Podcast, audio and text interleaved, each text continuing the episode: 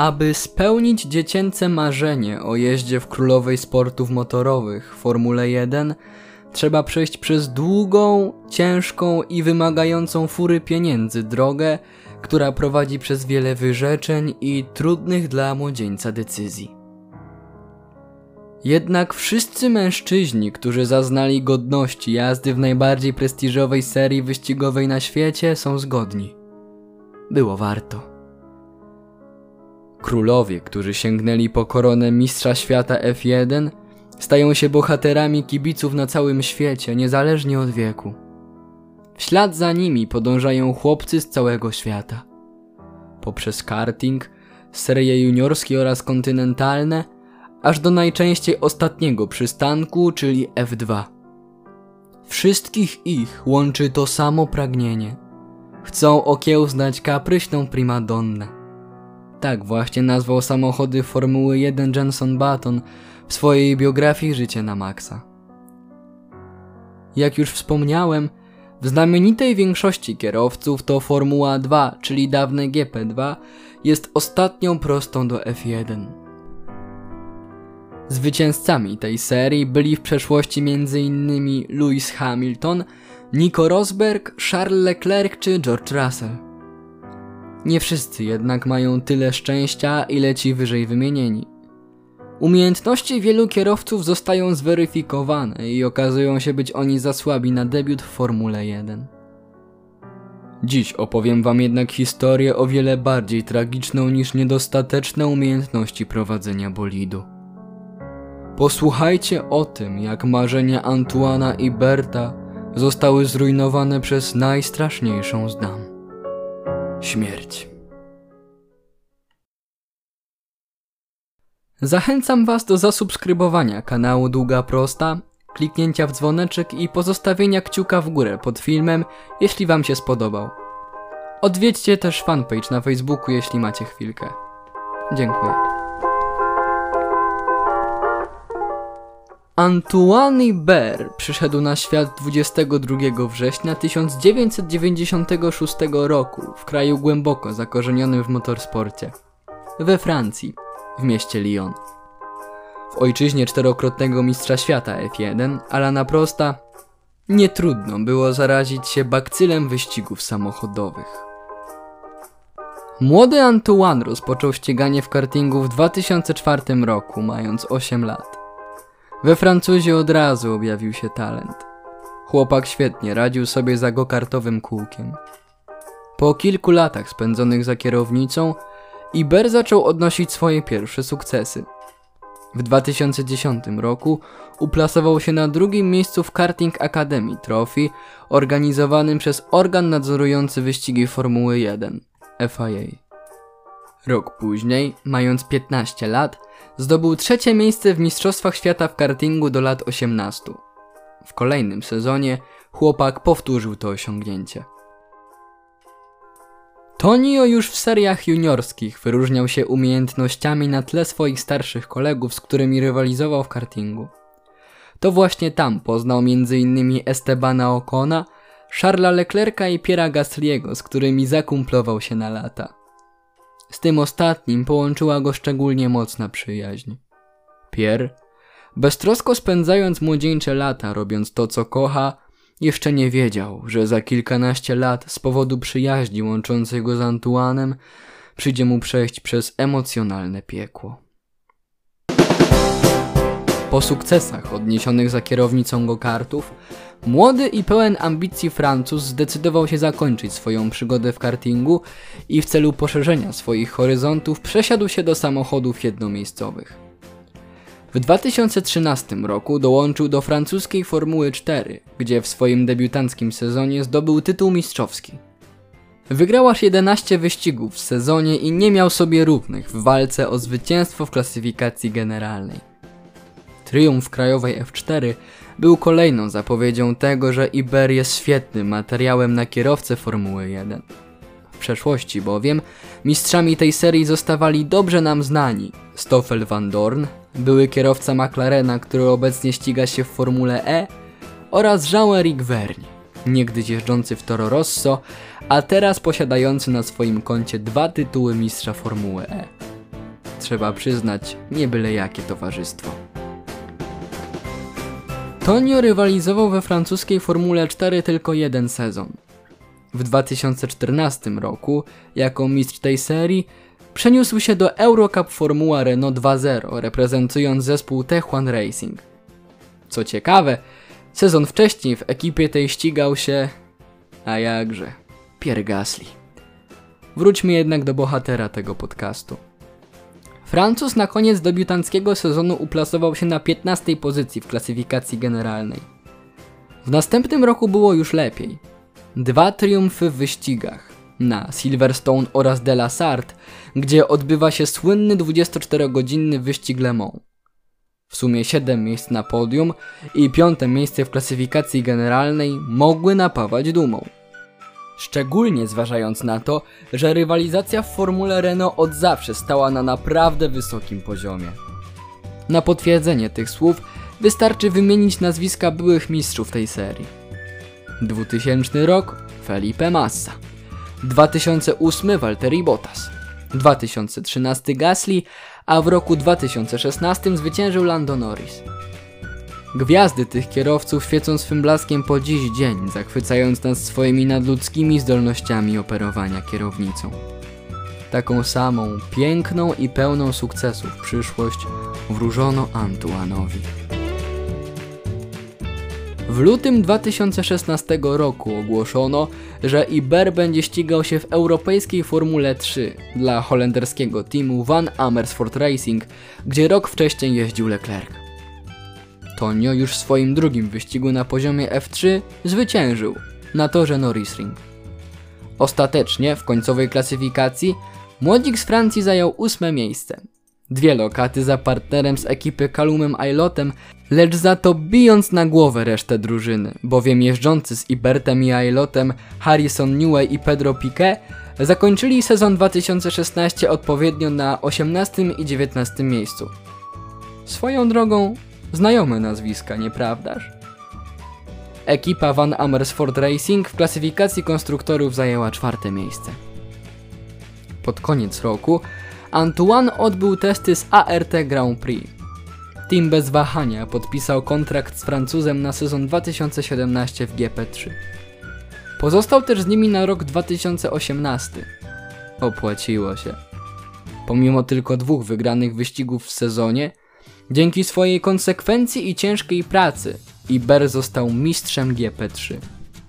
Stawał na podium aż w 11 z 18 wyścigów. Ten wyczyn przykuł uwagę włodarzy zasłużonego w Formule 1 Renault. W maju 2018 roku Akademia Renault zaczęła wspierać Francuza w jego karierze, a rok później w pełni zaangażowała się w poczynania naszego bohatera. Nadszedł rok 2019. Rok pełen kontrastów dla rodziny Iberta. Rok radości z jego sukcesów i rok pełen łez, rozpaczy i pytań z powodu tragedii, która się wydarzyła. Ale po kolei. W styczniu Antoine podpisał kontrakt z BWT Arden. Oficjalnie stał się kierowcą Formuły 2. Było to dla niego nowe doświadczenie i wjazd na długą prostą prowadzącą do królowej sportów motorowych. Sezon zaczął się dla Iberta spokojnie. Pierwsze wyścigi i sprinty przebiegały bez komplikacji. Po czterech pierwszych wyścigach i trzech sprintach jego najlepszym rezultatem było czwarte miejsce w debiutanckim Grand Prix na torze w Bahrajnie. Nadeszło jednak przełamanie i to w najlepszym momencie z możliwych we Francji, na torze Paul Ricard. W czwartym sprincie sezonu F2 Antoine Iber stanął na najwyższym stopniu podium. Dotarł tam, gdzie zaczynali najwięksi, na szczyt pudła Formuły 2. Poczuł przedsmak tego, co miało go czekać w tej wyższej lidze. Świadkami jego chwili chwały byli szczęśliwi rodzice i ukochane. Rzucił im się w objęcia, ci gratulowali mu zwycięstwa jeszcze nieświadomi tego, co ich czeka. W trakcie kolejnego weekendu Tonio powtórzył to, czego dokonał we Francji. Tym razem triumfował na torze królów wokół wszechobecnego przepychu. W Monako. Znów w sprincie. Wpadł na metę przed Juanem Manuelem Correrą. Na podium obaj byli w wyśmienitych nastrojach szczęśliwi po zajęciu bardzo dobrych miejsc na podium. Oblewali się szampanem, ściskali się i wspólnie pozowali do zdjęć. Wśród bogactwa okalającego tor w Monte Carlo, ten młody chłopak, który od dziecka ciężko pracował na sukces, marząc o tym, że kiedyś dorówno najlepszym, właśnie przeżywał swoje wielkie chwile. Jak się okazało, niestety ostatnie w karierze. Jest 31 sierpnia 2019 roku. Tor Spa-Francorchamps w Belgii. Tuż po kwalifikacjach do wyścigu Formuły 1, w których zwyciężył Lewis Hamilton, na polach startowych zaczęli ustawiać się kierowcy Formuły 2. Wśród nich był oczywiście Antoine Hubert, startujący z 13 pola. Zawodnicy przejechali okrążenie formujące. Po nim przyszedł czas na start do Grand Prix Belgii Formuły 2. Gdy zgasły światła i rozległ się ryk silników, już nie było odwrotu. Po pierwszym okrążeniu prowadził Nick DeVry, za nim Louis Deletras i Jack Aitken. Rozpoczęło się drugie kółko. Kierowcy wjeżdżają w najsłynniejszy zakręt na torze – Rouge. Wydarzenia, do których dojdzie za kilka sekund, zamrożą krew w żyłach kierowcom i kibicom na całym świecie. Jadący na dziesiątym miejscu Giuliano Alesi, kierowca ekipy Trident, stracił panowanie nad swoim bolidem z powodu uszkodzeń doznanych w trakcie startu. Obrócił się i uderzył w bandę. Jadący za nim Ralf Boschung, chcąc uniknąć najechania na odłamki bolidu Alesiego, znacząco zwolnił i zjechał na prawą stronę toru.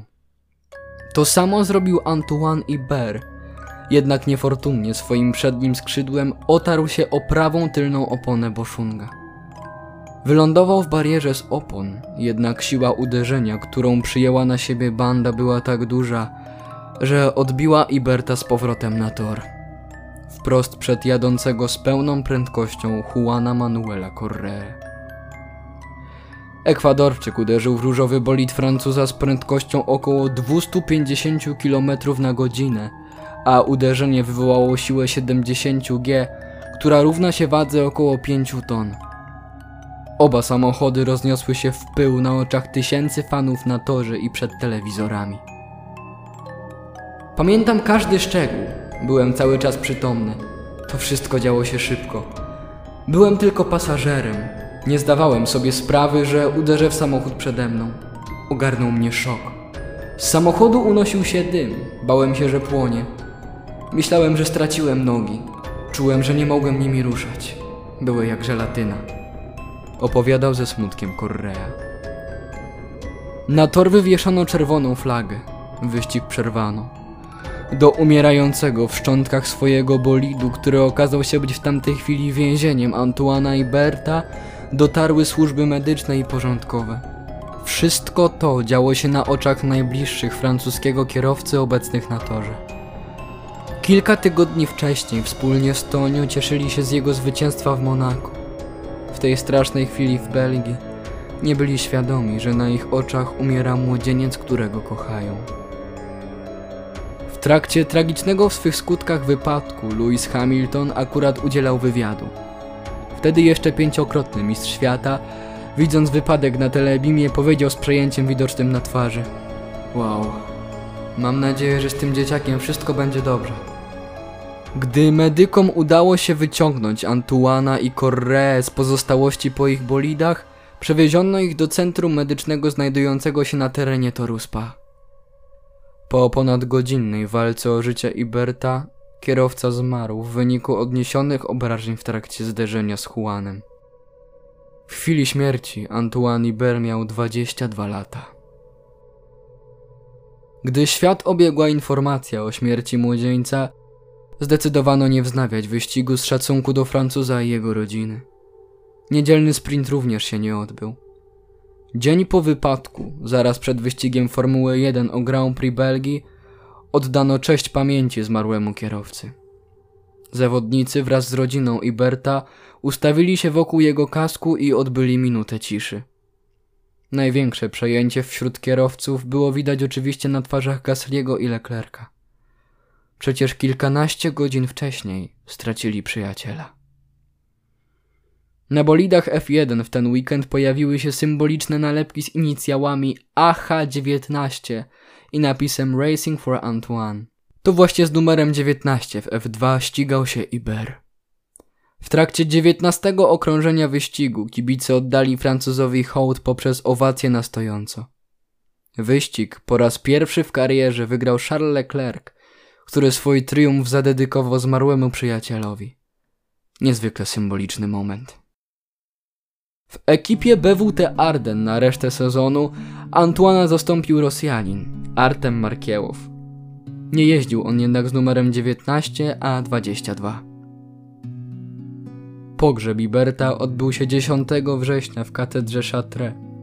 Udział we mszy świętej wzięli m.in. prezydent FIA Jean Todt, Alan Prost, Pierre Gasly, Charles Leclerc, Esteban Ocon i George Russell. Formuła 2 ku pamięci Iberta dożywotnio zastrzegła numer 19. Od 2019 roku jest przyznawana nagroda imieniem Antoana Iberta. Wręcza się ją na gali podsumowującej sezon, a otrzymuje ją kierowca, który spośród debiutantów zajął najwyższe miejsce w klasyfikacji generalnej w F2. Jej pierwszym laureatem był Chińczyk, Guang Yuzhu, tak jak Ibert, członek Akademii Renault. Juan Manuel Correa przez dwa tygodnie przebywał w śpiączce farmakologicznej. Po bardzo długiej rehabilitacji wrócił do treningu, ale już nigdy nie zapomni tego feralnego sierpniowego wyścigu. Zapewne ciężko pogodzić mu się z faktem, że chłopak, który wygrał z nim w Monako, już nigdy nie stanie na linii startu żadnego wyścigu. W rocznicę śmiertelnego wypadku, pod barierą, w którą uderzył Tonio, kierowcy, rodzina i osoby w inny sposób związane z wyścigami składali kwiaty ku pamięci zmarłego kierowcy. Gasly mówił tak. Gdy doszło do wypadku, byłem w padoku. Wiedziałem, że stało się coś złego. Nie wiedziałem tylko, kto był poszkodowany. Potem zobaczyłem zapłakanych rodziców. Powiedzieli mi, że Antoine nie żyje. Trudno się z tym pogodzić. Mówił Gasly w wypowiedzi w szóstym odcinku drugiego sezonu serialu Drive to Survive Netflixa. Znaliśmy się od pierwszego wspólnego sezonu w kartingu. Był moim rywalem, ale wspieraliśmy się i motywowaliśmy. I chodziliśmy do tej samej klasy w szkole. Wiem, że tak jak ja marzył o Formule 1. Gdy myślę o tych wszystkich latach i spojrzę na to, kim teraz jestem, rozumiem, że Antoine miał na mnie ogromny wpływ. Wyjaśniał Gasly. Nic dziwnego, że śmierć kolegi z klasy i z toru, chłopaka, z którym przez lata spędzone w kartingu mieszkał w pokoju, wywołała w nim wstrząs. W raporcie opublikowanym po śmierci Antuana orzeczono, iż uszkodzony po zderzeniu z bandą monokok bolidu nie był w stanie wystarczająco rozproszyć uderzenia samochodu Correi, które spowodowało liczne obrażenia prowadzące do śmierci. Antoine Ber nigdy nie zadebiutował w Formule 1, choć bardzo głośno mówiło się o jego rozmowach z teamem Renault w perspektywie kontraktu na sezon 2020, gdzie miałby jeździć w miejsce odchodzącego Nico Hulkenberga. Ten wypadek przypomniał nam wszystkim, iż pomimo tego, że Formuła 1 jest najdroższym i prawdopodobnie najbardziej prestiżowym sportem na świecie, niesie ze sobą ryzyko utraty czegoś więcej niż zwycięstwa, pieniędzy czy miejsca na okładkach magazynów. Temu pięknemu i niebezpiecznemu sportowi było, jest i zawsze będzie towarzyszyło ryzyko utraty życia.